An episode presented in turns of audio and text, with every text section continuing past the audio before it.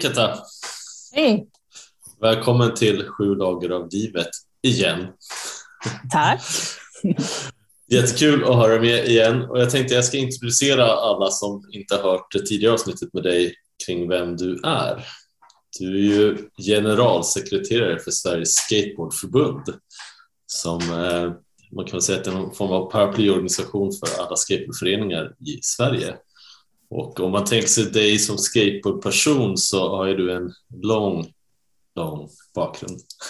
Du, du ska få berätta mer sen, men jag tänker utifrån du vann ju SM 2000 redan, vet jag, och skatade internationellt. Du har varit med och startat No Limit tillsammans med Ida Östensson och Andrea Antunes och Anna Smideman 2007, körde No Limit Tour 2008 och eh, har varit generalsekreterare sedan förbundet startade. Eh, men sen finns det ju massor med mer kring dig och skateboard genom åren och idag så ska vi prata om lite kring eh, utvecklingen för skateboard eh, när det kommer till tjejer inom skatescenen. Men kan inte du börja med att berätta om din roll på Skateboardförbundet som generalsekreterare? Ja, tack för en fin presentation. um, jo men absolut. Um, jag jobbar då med förbundet och har um, ja, jobbar med eh, styrelsen ehm, och eh, vi har idag ehm, ja, några anställda, eh, bland annat dig Niklas och så har vi ju Henrik och Alex och sen har vi också lite extra nu ehm, Jesper och Niklas, har, Niklas Persson har hakat på också. Så ja, vad är min roll? Hålla koll på vad ni gör. Eh, eh, men också att vi eh, gör har lite olika projekt. Och, men summa summarum pusha skateboard framåt. Och, ja, skateboard och skateboardmöjligheter. För det är ju skateboard, ja, eller det är brist, vill jag väl säga, på skateboardparker runt om i, i Sverige. Och då tänker man, va? Det, finns, det har ju aldrig funnits så många skateparker. Nej, det är sant. Men eh, det, det är inte så att det finns skateparker i varje kommun, om man säger så. Just det. Och det, det försöker vi ändra på såklart. Ja, men precis. Så, du, ja. du är boss helt enkelt. Boss, baus. Mm. Ja, precis. Ja, då, nu skulle jag prata om min roll. Nu börjar jag dra in er alla på en gång. precis. um, ja. Men ja, nej, men det är väl min roll och ja, tillsammans med, med styrelsen och mina kollegor um, så, så pushar vi skateboard framåt tillsammans med föreningarna och så. Um, ja. ja, för att tillägga också kanske ja, vad man gör på dagarna och hit och dit. Men det är mycket möten och man träffar Riksidrottsförbundet och andra förbund också och pratar om gemensamma frågor och utmaningar. Um, utveckling, um, men också att ta in skateboard i, i rum som skateboard inte har kommit in i tidigare. Alltså vad ska vi kalla det? Kostymrummen. Mm. Um, och det är lite häftigt, hela den grejen att uh, kunna snacka skate och uh, folk är peppade på det och se vad det finns för möjligheter och påverka. Det, ja, det är mycket, mycket saker som pågår hela tiden och man lägger frön lite här och där och det blir ringar på vatten efter ett tag. Liksom. Så ja, det är mycket sånt. ja, det känns som att vi utmanar ganska mycket i de rummen också. Alltså skateboard kommer in som väldigt icke-traditionellt och utmanar de rummen, vilket är ganska spännande. Men jag tänkte ja. på det är, vad är det nu? Vi har runt 100 föreningar som medlemmar. Mm. Eh, och hur många, det är runt 30 000 där åkare kopplat till förbundet. Och det, tänker, det kan man bara säga att det är föreningarna som är, liksom, de är medlemmar i förbundet eh, och eh, i och med styr vad som ska hända på årsmötet varje år. Men vi ska inte Precis. fokusera på föreningarna, vi ska, vi ska fokusera på dig och svensk skatescen eh, genom åren här. Eh, när började du skata och vad inspirerade dig till att börja? Jag började skata 96. Eh, det kom en skateboardvåg till Karlstad. Eh, det fanns en rätt så fin hall då, så att det var SM och grejer också det året, så man kunde gå dit och titta på de riktigt duktiga åkarna och bli inspirerad. Men eh, min brorsa började åka och så hade jag um, så hade, var det en, en ny kille som började i vår klass som kom och så hade en skateboard med sig. Och så fick jag testa och så blev hooked. Um, och då ja, jag vet inte, jag var väl rätt så driftig på den tiden. Jag, vet inte om jag, jag tänkte väl att en skateboard var, eller den kostade ju rätt så mycket då, um, tyckte jag då. Um, så att jag uh, byggde en egen i slöjden. för jag hade en bra eh, slöjdlärare som bara, ja men klart du ska bygga en skate liksom. Um, så då gjorde jag det och det var ju kul men uh, till slut fick jag en, uh, en komplett bräda. hur stor var skillnaden då?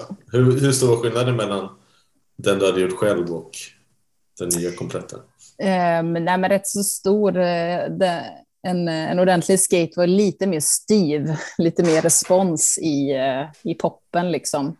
Eh, får jag väl säga. Den var lite större och hade grip tape också. hade jag inte. den andra. Men, nej, men den, det var ju synd att jag inte hade kvar den. Det hade varit, jag har den bara i minnet hur den såg ut. Men det var, det var en, en stor skillnad. Men det var ju ändå, gjorde ett väldigt, jag var nöjd med den. Det, det var en bra start. Kommer du ihåg eh, något så specifikt som gjorde att du just ville testa skateboarding? När du såg den här andra personen med, med sin skateboard, vad var det som gjorde att det kändes som att det var din grej? Um, ja, men det var någonting eh, nytt och det var liksom inte någon som sa, det var klart att man fick tips om att ja, gör så här eller så här, liksom. men det fanns inte så mycket regler kring det, utan äh, det var bara att testa och köra. Um, att uh, ja, man rullade och ja, det var, ja, jag tyckte att det, just friheten i det liksom, um, var, var det som attraherade och det var, det var coolt. känslan av coolhet. Ja. ja. Ehm, men jag tänker, det, det, är ju ganska länge sedan, sedan 96 och vi har ju pratat om det förut att vi började skata samtidigt. Och mm. Du hade väl också Welcome to Hell som favoritfilm om jag inte minns fel. Ja men verkligen. Så det, det får vi länka upp eh, i samband med avsnittet så alla får se hur bra den är. Ja men precis, för när den kom då var det på VOS. Då tyckte jag det var så coolt för att det var bara, helt plötsligt dök upp en tjej liksom i, bland de bästa skaterna och hon var ju grym då, eller, och är det fortfarande, eh, Elisa Steamer. Mm, precis, jag kommer ihåg eh. hennes Adidas Superstars och hennes stil. Det var ja, fantastiskt. Mm, ja, men precis. Um, så, så att, eh, men det, det var coolt då. Innan så, jag vet inte, det påverkade mig väldigt mycket för att det blev speciellt att, bara, oh shit, det blev verkligen så här, jag kan bli så bra. Det är klart att man kunde kolla på killarna så, men det är en helt annan sak när du kan relatera liksom hela vägen med någon annan. Eh, det blir en annan sak. Liksom. Eh, så. Sen finns det andra eh, svenska förebilder som, eh, som jag hade när jag var yngre. Eh, Madde Uggla, bland annat. Eh, grym skejtare. Jag bor i Stockholm nu. Ehm, eh, och så ja, många andra som, eh, som man träffade. Liksom. Ehm, och ja, genom åren med ja, skatecamps och sånt som har varit som verkligen har ja, men, kept the flame alive, om man säger så. Um, I och med att skateboardvågen gick lite upp och ner och det byggdes ramper hit och dit så ja, om en ramp ruttnade, då var det inte lika lätt att åka i den. Men idag byggs det ju i betong och det är lite mer långsiktigt. Men om man tänker sig från 96 när du började, eh, mm. det finns ju såklart massor med olika höjdpunkter, men är det några du skulle vilja lyfta ut som var varit extra viktiga för dig eller som känns extra roliga eller ja, på något sätt sticker ut så? Ja, alltså jag tänker väl att alltså, du, vi kommer inte hinna nämna alla höjdpunkter, för det är ju svinkul med skate och det finns massa höjdpunkter. Men, men lite så här i början var väl att eh, när jag började skata, eh, ja, började skata med killkompisarna. Jag, jag var lite van att vara lite den enda tjejen eller att man var, ehm, ja, jag eh, spelade hockey och sådana grejer innan också, så att eh, det var, jag var rätt så van på att det inte var så jättemycket tjejer på det sättet. Så Um, tröskeln för att börja skata var väl kanske lite lägre för mig. Um, och då i alla fall började skata och uh, man fick ju uppmärksamhet. Bara, ja, så här, ja men vad, vad grym du är för att vara tjej. Och det var klart att det, på den tiden tog jag det bara positivt. Och bara, oh yeah, jag är grym. um, och att, folk, och att, man, att, man, att man syntes och att man fick uppmärksamhet. Det är väl inget, uh, ja, det var ju jättehärligt så. Men det var klart att det var samtidigt um, som en av höjdpunkterna var när det var SM då ett år, eh, jag tror det var 14, och så var jag med på det. Och så mitt mål var att inte komma sist och jag lyckades med detta och det var ju svinget liksom. Um, det var inte liksom var inte så här, bara, ah, nu ska jag skejta SM, utan det var att SM kom till Karlstad och jag var med på det. Um, det var ju svinget för mig och lyfte mitt självförtroende och jag kände bara yes. Men för de killarna som kom inte placerade sig bättre än mig, de fick ju höra att ja, du är sämre än en tjej. Um, och att uh, alla kanske, några av dem slutade skejta. Och det blir så jävla tråkigt att jag bara kände mig jättestark medan på grund av att jag tog mig upp så fick de skit. Alltså så här, om man ska se det på det sättet. Um, så att, ja, det var väl ingen höjdpunkt, men jag vill mm. egentligen för att lyfta det, att vad det innebär liksom, på de olika sakerna. Och jag har liksom, hur mycket man analyserar och ser vissa mönster efteråt som man inte såg då eller så, men um, ja, det var väl, jag var peppad på att komma upp, men det var, ja, bara för att prata om de olika normerna och vad som är accepterat och inte. Liksom. Just det, att det blev ehm. liksom sanktioner mot...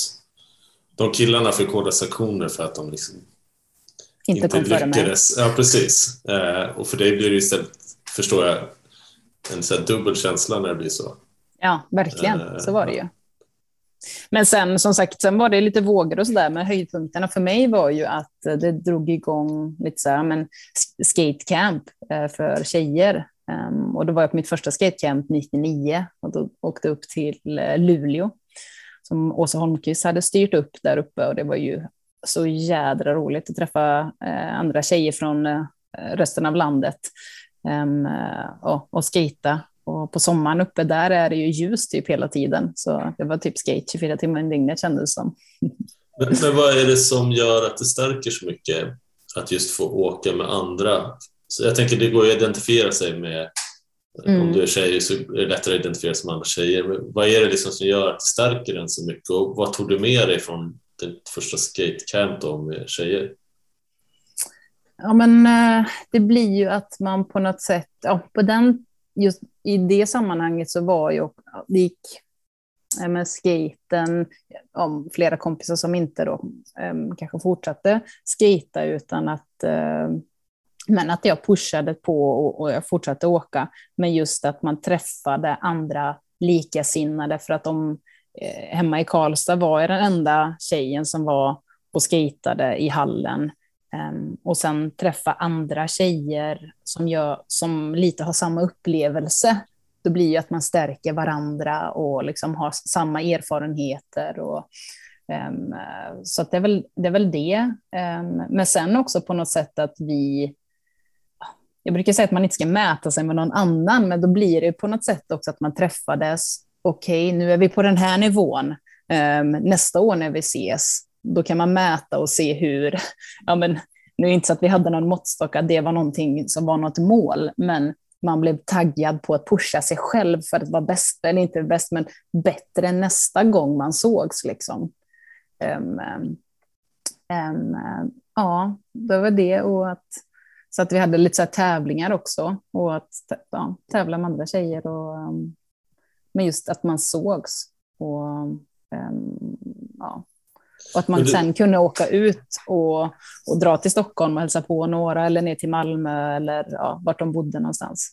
Just att det öppnade upp, en, öppnade upp scenen lite mer, att mm. veta att det fanns andra. Men, men jag tänkte de upplevelserna som du kände att du kunde dela med med de personerna då. Jag förstår att upplevelsen idag är säkert annorlunda än vad det var då, men hur var upplevelsen då att vara tjej som ni kunde dela mer med varandra kring? Nej, men upplevelsen var väl att det var, ja, att det inte var så många andra tjejer som skejtade och uh, att man, uh, att man på något sätt, att menar, skatecampsen blev ett sätt att samla fler på ett och samma ställe. Um, och att man blev motiverad på att försöka dra igång någonting hemma, på hemmaplan. Så att um, jag drog igång tjejskate sen, um, ja, när jag var typ 16, 16, 17 någonting, så, så drog jag igång tjejskate um, ehm, hemma liksom på det lokala planet för att få fler tjejer att åka. Um, ja, och då uh, kom bland annat eh, uh, Mi Magnusson. Hon var 11 år då. um, och jag var typ 17. Och idag är vi uh, ja, väldigt, ja, hon är en av mina bästa vänner um, idag. så att, ja, och att det kom flera andra tjejer också som kom och skejtade. Och att det, för när man väl drog igång någonting så märktes det att det, eller då kom det liksom folk. Um, så att det behövdes ju. Det blir... Men var jag kan uppleva ofta att, eh, förr i alla fall, att det var många som sa att det är inga tjejer som vill skejta. Och sen mm. när eh, någon drog igång en satsning så, så kom det ju tjejer. Var, ja, det, är det något som du delar också, att folk pratar om det på det sättet? Ja, absolut. Det, det är rakt igenom var det där, men det är inga tjejer som åker liksom. Men där är det ju oftast att det är osynliga hinder som om, en, om, du, om du som kille um, drar igång tjejskate och det, jag säger, att, jag säger inte att man inte kan det, det kan, vem som helst kan göra det, men man behöver förstå att tjejerna har en annan, eh, de har en annan hinderbana för att ta sig i mål. Ehm, för där är det ju att vi har ju samhällets påverkan som sätter normerna, vem som får eller kan göra vissa saker.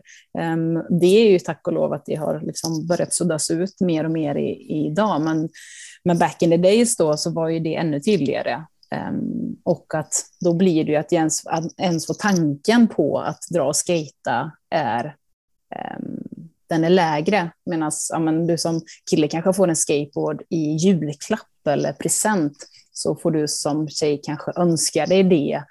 Um, du får det inte automatiskt, uh, för att det tillhör inte bilden då, eller den bilden som var då. Um, för det. Um, så att uh, ja, det är olika förutsättningar. tyvärr, då, på grund av kön då, i det här fallet. Um, och att man då behöver lyfta upp och visa att alltså, man behöver skylta, alltså så, tjejskate eller tjej, tjejtider och så. Um, målet med det är ju att i slutändan att det inte ska behöva heta tjejskate eller alltså att det brandas med det. Men till en början behöver du det för att det ska bli tydligt. Um, jag vet inte, No Limit uh, heter ju då No Limit för att det skulle vara könsneutralt. Men jag tror att om vi hade backat bandet och att No Limit skulle ha hetat ehm, um, Girl Skate Sweden eller Tjejskate eller ja, Woman Skateboard, alltså någonting som verkligen skriker ut det, då tror jag att det kanske hade blivit större från start. Medan No Limits tanke var ju att ja, men vårt syfte är ju att inte finnas eh, sen och att No Limit ska vara könsneutralt. Eh, så. Men ja, det har varit på gott och ont. Liksom. Men det jag vill säga var i alla fall man behöver vara övertydlig till en början för att sen förhoppningsvis att det, spelar, alltså, att det inte spelar någon roll. Då. Jag tänkte på, för ni startade ju No Limit 2007 mm. och ett par stycken, det var Ida, Andrea, Anna och du, som jag mm. förstått det. Eh, ja. Har jag förstått det rätt? Yes. yes. Eh, men hur, vad hade ni för ingångar liksom när ni gick in i det? Du pratade lite om det utifrån att här, skapa identifikation så att fler tjejer kan känna igen sig i att det är okej okay att åka skateboard. Men, men vad fanns det för olika ingångar och vad var liksom drivkraften för er att starta No Limit? Eh, ja, men det var ju för att vi sågs ju på campen som oftast var en gång om året.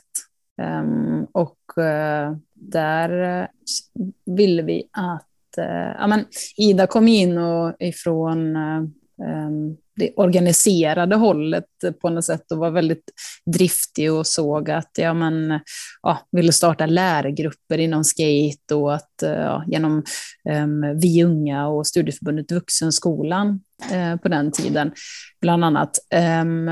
och där kände väl att okej, okay, men hur kan vi sprida detta liksom på det lokala planet? Och då var det att man, vi vill ha ett, ett camp som besöker flera städer runt om i landet. Och då egentligen att ja, men, eh, vi, vi startar en förening som, blir, eh, som är nationell. Eh, och sen så Alltså, och sen så kör vi lokala föreningar runt omkring då, så att No Limit var liksom huvudföreningen med då systerföreningar på lokala planer. Då. Ehm, och att vi då ville ha den här eh, No Limit Tour för att Dels för att visa att tjejer åker skateboard, att det var eh, skateskola, ja, det var musik, barbecue, gött häng liksom. Och att vi gjorde några städer ehm, då 2008. Så vi bildade No Limit 2007 och sen så blev det No Limit Tour 2008. Ehm, ja, sen rullade det på och då, då var det ju Yo, eller you Skate Girl i Umeå som Ida hade. Och så var det ehm, um, You Skate Girl Uppsala. Uh, sen uh, var det ju nere, ja, Tösabilarna nere i Malmö, West Coast Riders i Göteborg. Um, och sen så blev det att No Limit var i Stockholm. Um, ja, um, ja, ja, jag tror jag fått med det. vi, får, vi får korrigera efterhand annars. Nej, men, ja. Eh, jag tänkte när ni var på den touren, vad, hur skulle du beskriva upplevelsen av att vara ute i de här olika städerna och visa upp skateboard och eh, intresset när ni kom dit? Vad det hade för effekt så att säga? Um, nej men det hade en effekt genom att det skapade pepp och att uh, folk fick komma och testa på. Men att det sen fanns, ja, inte alla städer, men på de städerna där det fanns, uh, ja, men som Just Gate Girl och, och West Coast och sånt, då fanns det ju någon som kunde fånga upp. Men på de andra städerna så var det mest för att inspirera och för att ja, de föreningarna eller de skate parkerna eller platserna ehm, för att peppa och kanske dra igång någonting. Ehm, så att, eh, nej men det, var, det var mycket folk som kom på, på touren och det, var, det blev uppmärksammat. Och jag hade ju mediestrategi och så här. Och, ja, eh, de gjorde ett fantastiskt jobb, hela gänget. Ida och Andrea och, och Anna. Det var väl spelningar också med typ Cleo och lite så, lite olika ja, artister? Ja, det var, det var coolt. Eh, vi körde eh, på avslutningen i Malmö. Tyvärr regnade det bort, men eh, det var en god spelning som vi körde och vi skejtade lite i Le Box, så det blir lite skate ändå. Ehm, så, Nej, men, ja, så det var lite kringarrangemang också. Ehm, och det var, det, var, det var bra. Det var fina minnen. Alltså. Ehm, och mycket av det har ju byggt vidare då till att sprida skaten och att jobba lokalt ehm, med det. Eh, ja, om man tittar på det nu från, från när du började skata till idag, det är liksom ett långt spann där, men, men vad kan du se? Så skateboard, det har hänt väldigt mycket i skateboard i stort eh, mm. när det gäller både eh, mellan kön och, och könsidentitet och åldrar och allt möjligt. Det har blivit väldigt mycket mer liksom diversifierat så. Mm. Men, men om man säger, tänker det du har sett liksom från när du började skata och att vara tjej idag och skata. Hur har mm. utvecklingen sett ut tänker du och liksom, vad är de stora skillnaderna som har hänt? Mm. Nej men det är ju, idag är det ju fler tjejer än någonsin som åker skateboard, men också rent procentuellt som börjar åka skateboard. Alltså det är ju, om man ska säga det procentuellt så är det fler tjejer som börjar åka skateboard än killar. Um, men sen är det ju många killar som också börjar åka. Men oavsett, um, så att det är fler än någonsin. Um, nej men de, och de, de, stora skillnaderna vill väl jag säga att uh, det är uh, att det finns fler förebilder, uh, fler kvinnliga förebilder som syns då både i de lokala parkerna, i eh, lokalmedia, i ja, de stora tv-husen eh, som är sponsrade också av de stora märken. De får vara med i reklamer. Eh, de, eh, på tävlingar är det prispengar till tjejerna. Det kanske fick en t-shirt back in the days eller någon bräda eller något sånt där. Men att det finns prispengar, men framför allt att många jobbar för att ha jämlik pris, eh, jämlika priser eller samma eh, summa då för, för både tjejer och killar, så att det inte, ja, oavsett.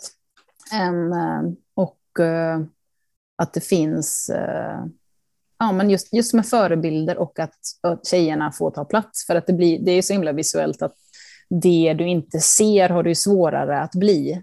Eller, eller att du väljer att gå den vägen.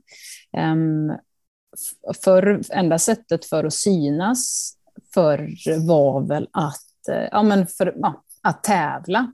Och då är det ju rätt många trösklar som du ska ta dig över. Du ska först börja skita och sen ska du också vara peppad på att tävla och, och, att, få, och att folk tittar på dig på det sättet och leverera och allt sånt där. Ehm, um, Medan idag finns ju med, med, sociala medier och Instagram och allt, uh, alltså det är ju, du kan göra det på ditt sätt. Uh, om du vill skejta ja, utanför där du bor eller och göra dina grejer liksom, och lägga ut det och folk gillar det. Eller, um, eller om du vill dra iväg på roadtrips och, eller tävla eller sikta på OS. Alltså det är så, det är så ja, det är brett. Det är fler paletter idag, fler färger att välja mellan. Liksom. Men vad tror du är det som har gjort att den utvecklingen har skett? Alltså, jag vill väl säga att eh,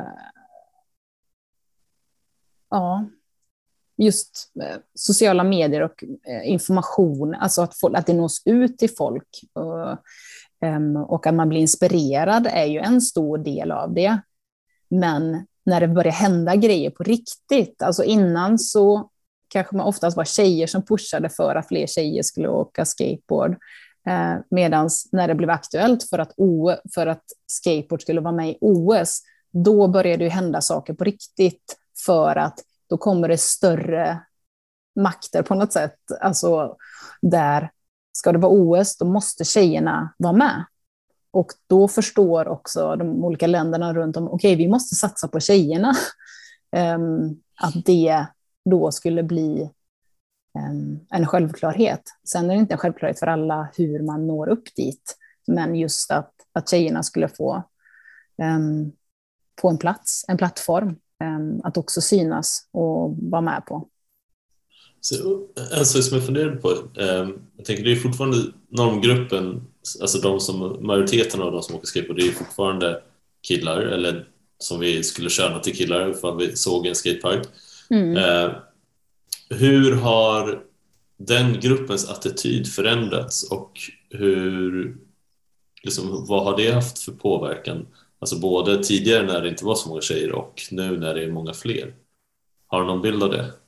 Ja, men jag tror väl att det är, eh, det är nog olika eh, erfarenheter, men ehm, man, förut så kanske man verkligen blev alltså uttittad som, som icke-norm i skateparken och påpekad att, eh, och tusen frågor. Liksom. Hur länge har du skatat? Vad sätter du? Jada, jada, jada. Um, att, eh, att du får kanske på ett sätt en också ofrivillig uppmärksamhet. Ehm, um, Medan idag är det mer, du kommer till en skatepark, det är blandat. Det är tjejer och killar, eh, icke-binära transpersoner. Alltså att det är, även om inte det allt är jätteutspritt, liksom, så är det inte, du kommer till en skatepark idag och den, det är en större mångfald, vill jag säga. Ehm, och att också folk ser olika ut. Ehm, man började skita så ja, men det var större brallor, stor t-shirt, alltså många såg väl, alltså, lika, rätt så likadana ut, lyssnade på ungefär samma musik och så där. Det var väldigt eh, ehm, homogent, men, eh, men eh, ja, det är så mycket annat som är att folk har olika intressen och ja, det är ja, så, mycket, så mycket mer idag än vad det var tidigare. Hur, hur ehm. stor roll tror du att, eller jag tänker så här, när du och jag började skata 96 så mm. vi pratade om det att det fanns det typ inga skateparker utan det var typ parkeringsgarage eller på gatan eller någon träramp någonstans. Mm. Och jag, vad jag vet så fanns det i princip inga föreningar som eh, gjorde någonting kring skateboard förutom ja, inomhushallarna hade väl någon förening på något sätt. Mm. Eh, hur, hur mycket tror du att skateparkerna och föreningarna har haft, eller hur stor effekt har det haft på möjligheten för tjejer att ta plats i skatescenen och bli naturliga delar? Um, idag har det ju, alltså det är absolut en, en stor effekt. Um, för att uh, de föreningar, ja, men, större eller föreningar som har funnits längre, de har ju som, ja, men, varit med länge och, och också kunnat se eh, utvecklingen, men också vara, var en del av den. Men, men eh, föreningen absolut, för att eh, där det blir det ju att om du vill börja skita idag så är det Många har ju det föreningslivet i sig och kollar upp vart är den närmsta skateklubben eller skatemöjligheten.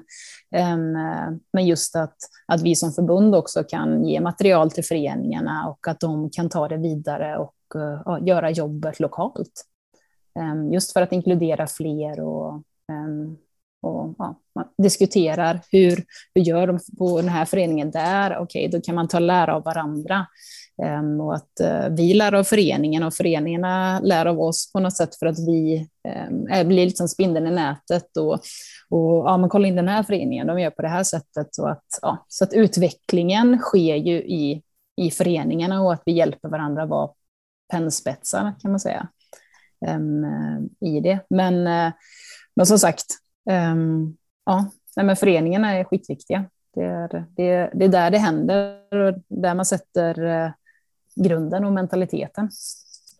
Jag tänker också på, på skateparkerna, du, du var inne på det i början, om, eh, att det finns en anläggningsbrist inom skateboard. Och det gör det ju, även fast det finns massor med skateparker jämfört med när vi började.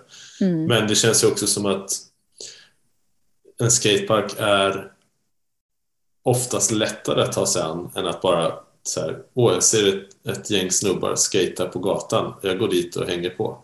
Mm. Det tänker jag att skateparken gör en ganska stor skillnad. Så. Eh, även mm. fast man fortfarande skate på gatan. Att ändå så här, det är lättare i alla fall att ta sig dit. Sen, sen så går det att göra mycket med skateparken också för att de ska bli ännu bättre. Men mm. eh, det är något som jag tänkt på så. Men om man tänker sig nu, vi har ju redan varit inne lite på det här med hinder och barriärer så, hur, vad man nu vill kalla det. Men vilka hinder som du har sett då tidigare som kanske har, har tagits bort eller alltså, vilka hinder har du sett och som har liksom försvunnit och vilka mm. hinder ser du fortfarande kvar?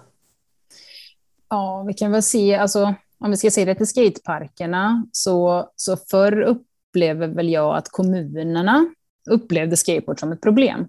Och eh, de som kämpade för att få en skatepark, de fick det gärna utanför stan, där de inte störde, gärna ett industriområde, där det kanske inte fanns belysning, ehm, där ett visst klientel vågade sig ut.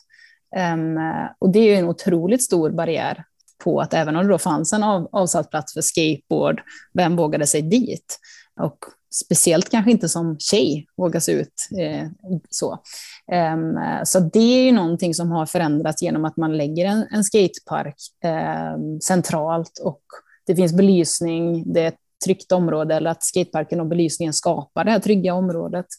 Sen så eh, tycker jag väl att eh, just ja, men tidigare kanske att det har funnits, att det varit rätt så dålig information ifrån eh, föreningarna som har funnits för att det också inte har funnits. Alltså, du behöver ju, back in the days kanske du behöver annonsera i tidningen eller du vet, jobba lite mer för det. Idag kan du ha hemsida och sociala medier eh, och sånt där du når ut till en större grupp så att det är ju lättare att få information idag Ehm, om du blir intresserad av det. Ehm, att det finns, eh, det finns fler förebilder att se, oavsett om du åker skateboard eller ej, så att du ser någon, någon tjej eller eh, någon kille eller någon åker skateboard är ju ehm, större också i, Ehm, ja, det finns förebilder på olika sätt. Ehm, och att eh, just med, med prispengar på tävlingar och så, att det är eh, samma eller mycket högre idag än vad det varit eh, ehm, tidigare. Det är väl några saker som gör att det sänker trösklarna, men också att det finns utspritt riktade satsningar där man riktar sig till tjejer, om det är tjejskate eller att det är nybörjarskate och man tydligt går ut med att det finns även kvinnliga coacher. Um, um, um, ja, för att ta det. Um, att, ja, medveten marknadsföring från föreningarna. Ja, igenkänning helt enkelt. Um, vilka hinder finns kvar då? Nej, men ja, vi är ju inte i mål än. Ehm, som sagt, det finns ju förebildsföreningar och kommuner som jobbar mer med detta eh, än andra. Eh, och, vissa har ju inte börjat sin resa alls, så att det är ett pågående eh, arbete som behövs. Om man, om man tänker sig ehm, liksom lite punktform, så då, vad, vad finns det för olika delar som behöver ske för att, och det här gäller ju inte bara tjejer egentligen, det gäller ju alla underrepresenterade grupper som icke-binära, transpersoner, eh, yngre, olika etnicitet och så vidare. Men, mm. men vad finns det ja, men, i någon form av punktform, saker som du behöver tänka på om du är en förening eller en kommun eller bara en grupp av skatare som skatar? För det är, ibland är det ju bara en sammansättning av personer som bara skatar ihop. Liksom. Mm. Kan du nämna liksom lite i punktform vad, vad som kan vara bra att tänka på? Ja, men det är väl lite så här, första frågan är väl vad är syftet eller vad vill man då som grupp? Vad, vad är syftet med gruppen? Vad gör man för något och har man några mål? Vad, låt oss säga att man vill ha en skatepark till exempel, det finns inte det. Um, då är det ju så här, okej, okay, då man sätta det som ett mål, men också se okej, vilka är det som ska nyttja den här parken och vilka är vi i den här gruppen? Hur ser vi ut? Så att man scannar igenom.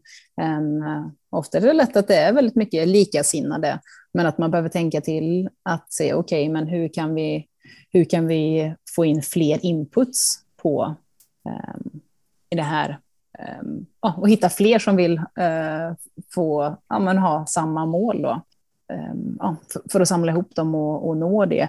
Men uh, ja, för att få en punktlista med det. Jag tror att man behöver allt, allt är inte, liksom ur ett inkluderingsperspektiv så behöver du lyfta blicken och se utanför dina egna erfarenheter. Ehm, för det är, eh, ja, det finns fler upplevelser och fler vinklar eh, att se på en och samma eh, aktivitet, mål liksom. Ja. Men du får hjälpa mig med punktlistan. Nej, men jag, jag, tänker också, alltså lyssna mer, det är väl jätteviktigt. Jag tänker, det har ju förändrats mycket, men det är fortfarande väldigt många män som äh, är i skatescenen och äh, påverkar mycket. Och där känns det väl viktigt att just de, vi, de av oss som är normativa äh, lyssnar och försöker ta in de perspektiven. Jag tänker som du säger i, i när mm. skateparker ska byggas eller mm. drivas föreningar och sådär. Eh, ja, och representation mm. är, ju, är ju jätteviktigt. Um, för att precis som vi var inne på tidigare, det finns inget som heter nej, men tjejer vill inte. Uh, man behöver bjuda in um, för att man ska bli fler och att det ska bli en, en mångfald, för den, den finns. Så att ja, representation är ju uh, superviktigt också för att få visa att det går. Ja, precis. Och det, det tänker jag att det är både såklart fysiskt på plats. Så här, vilka mm. är ledare? Vilka eh, tar plats i skateparken? Vilka ges utrymme? Vilka tar utrymme? Eh, men jag tänker också kommunikativt, du har varit inne på det också. Alltså vilka bilder använder vi och hur mm. porträtterar vi olika personer i bilderna? Vi har varit inne på det många gånger sedan. Förr i tiden då kunde det vara att en tjej satt och åt glass medan en kille skejtade förbi.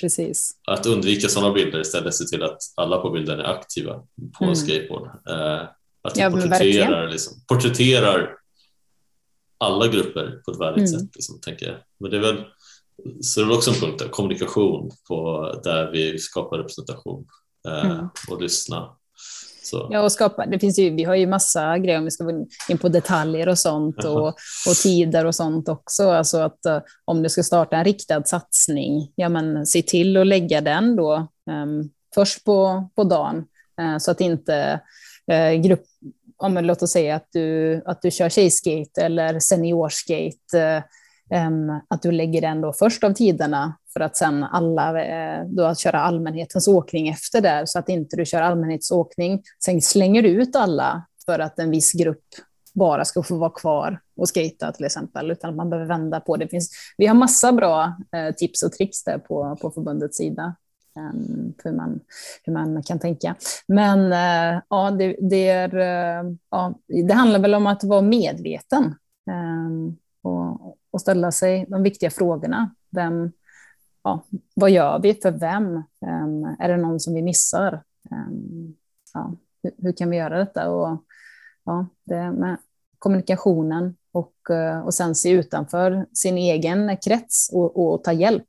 Eh, för att alla kan inte allting på en gång och, och det är ingenting man ska skämmas för. Men, men om, om man vill göra förändring så, så kan vi på förbundet till exempel hjälpa till. Det finns andra organisationer också för det om man då uh, vill tänka inkluderande.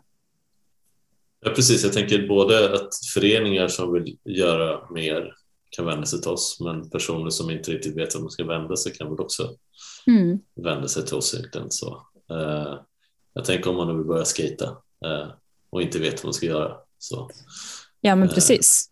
Men jag tänkte nationellt kontra internationellt. För jag tänker i Sverige så, så gör, vi försöker göra mycket för förbundet för att påverka eh, och vi kan ju göra mer och det finns mer att göra. Men hur ser du på det liksom, internationellt sett? Hur ser utvecklingen ut då? Eh, ja, men jag upplever att alltså, i alla länder oh, eller de flesta ska jag väl säga, um, som har någon slags skateboard i sig, um, att det ökar av antalet tjejer eller icke-normer. Um, att det finns, uh, ja men, skillnaden är väl, ja, jag tror att, ja, men som i, skate, alltså i Sverige så har det och internationellt är det väldigt likt, då, um, har det aldrig varit så många tjejer som åker. Um, samtidigt som att det inte, för att det är mer som åker, är det inte fler som tävlar. Utan där kan jag väl uppleva att det skiljer sig att vissa länder, till exempel som USA um, ehm, eller Australien, kanske har en mer etablerad tävlings... ja, men en större, större tävlings... Eller att fler fler tjejer tävlar, men det är också större länder och större, um, större in, eller antal invånare. Um, så att det finns lite mer att ta av kanske, men, men just att ja, men i, ja, men i Sverige att eh, det är fler än någonsin som skejtar, men det är inte... Jag vill inte säga att det är jättemånga mer som vill tävla idag än vad det var tidigare. Men det är kanske för tidigare så var det enda sättet för, för oss att, tjej, att synas och pusha tjejerna var att vi lite tvingades att tävla. Vissa av oss tyckte det var roligt, andra tyckte det var mindre kul. Man fick ta en för, för laget helt enkelt. Um, Men du tänker att nu så finns det andra sätt att ta en plats i skatescenen genom sociala medier och, och ja. olika skatecrews och föreningar och så vidare? Ja, men också med sponsorer och man kan vara, det, det är de som är influencers och, och ja, lever det livet och inspirerar andra och har det som jobb. Eh, man måste inte tävla utan det finns andra sätt att, att uh, inspirera eller jobba eller så med det. Um, men internationellt, det pushas framåt och det är så kul att se för att jag har ju många vänner genom året som också har fått någon, slags ledande roll också inom, om det är förbund eller ehm, internationella förbundet och pusha just för att eh, tjejerna ska få samma förutsättningar. Ehm, och det är ju supercoolt eh, att se. Och det kommer också en, en film nu som visar, kommer visa hur Mimi Noop och Carbet Burnside och gänget eh, förändrade mycket för tjejerna just inom tävlingsscenen och att eh, hur de fick till att tjejerna också skulle få eh, bra tränings och tävlingstider, men också med prispengar och sånt. Ehm, det kommer en film här nu i mars, så jag hoppas att vi kan ha lite premiär för. Härligt, en liten ehm save the date, fast inte ett exakt datum, men ändå. ja, men precis. Ja, ja, men ja, det kommer bli spännande, för det, blir, det är en liten mil, milstolpe i förutsättningarna för tjejerna i den tävlingsverksamheten. Mm. Att de bojkottade X-games och uh, ja, det, det kommer få se i filmen. Ja, men jag tänker Mimmi Noop det var väl hon som startade Meow Skateboards Nej, det var uh, Lisa Whittaker som startade med ja, skateboard. Så var det. Uh, Mimmi hade Hoopla det, tid, tidigare, men hon ja. var också um, förbundskapten för, uh, eller är det för, nej, hon var det um, för damlandslaget i skateboard i USA. För nu har ju då en person som varit med i Sju lagar och livet blivit den nya förbundskaptenen för damerna. Namedroppar du. Alexis Sablon. ja, precis. Så jag, får, jag får se till att få tillbaka henne så får hon prata om hur det är att vara förbundskapten istället för skateboardåkare. Precis. Eh, det, blir, det blir coolt. Eh, men jag tänker det, är ju intressant de, de olika satsningarna som Hoopla och Meow Skateboard som också var pionjärer känns det som i att starta skateboardmärken som var bara för tjejer och såg mm. till att de fick bra förutsättningar, de åkarna som blev proffs för de märkena och sådär. Ja, precis. Eh, vad tänker Wheels of Fortune och de här tävlingarna som har gjorts? Som du har ja. varit på? Ja, verkligen. Du är ju också, du är ju, det, ska vi, det har vi inte nämnt så mycket, du är ju också internationellt så känd eh, inom skateboard. Eh, när man tänker sig det, att du har varit ute på de här tävlingarna och varit med och bidragit internationellt också för att pusha ja, skaten för sig. Ja, men precis. Så, så blir det ju också när, när scenen inte har varit så stor, eh, utan man pushar på olika sätt och, och träffar dem som har hållit på ungefär, eh, ungefär samma tider och så där. så, ja. Den internationella tävlingen Wheels of Fortune i Seattle har varit, eh, alltså, den har ju vuxit otroligt mycket och också blivit, eh, ja, men den är också sanktionerad på det sättet att eh, vinner du den tävlingen så får du, det har varit tidigare i alla fall, så har du fått en eh, sån um, wildcard till X-games eller till en annan stor tävling, eh, samtidigt som att det är ja, mycket kultur och gött häng runt där och, och pusha framåt. Det har varit eh, ja, skitkul tävling, kan pusha för den. Och eh, den kommer ske i år faktiskt, eh, i, i september. Jag tror det är kanske 8 till 11 september, tror jag. Ja, en till säger date. Men det, yes. det, är en tävling som känns viktig liksom just för den internationella skridskoåkningen. Hur är det med Suck My Truck? Som var, den gick väl i Tyskland och Berlin? Va? Ja, men precis. Eh, det är eh, min kompis Yvonne som, som hade det. Eh, svincool tävling. Tyvärr så var den för sista gången förra året.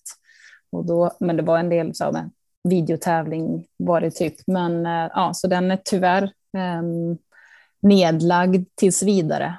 Men vi får se. Men uh, det är coolt. Uh, Sara Möhle och Emma Fastensson Lindgren har ju vunnit de tävlingarna back in the days. Just det. Så Två. svenska på prispallen. Precis, precis. Jag tänkte vi ska nämna också Pushing Borders som har varit vid två tillfällen nu.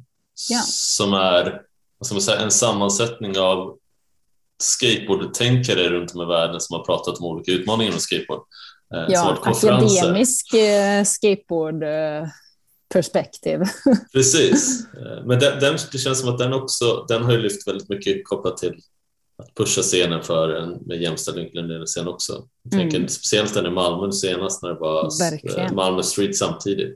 Ja. Där det var både panelsamtal och föreläsningar om hur skatescenen kan bli mer jämställd. Så och sen också initiativet um, Consent is Rad som ja, du påminner om Fatta och samtyckeslagsengagemanget uh, här för Sverige. Precis. Men jag tänker det är väl värt att nämna Pushing Borders också. Det känns som att det gör ju precis det, pushar gränserna för skate och inkludering i, i Ja, verkligen. Jag tycker att det är, eh, ja men Pushing Borders är verkligen, ja men pennspetsen och så viktigt.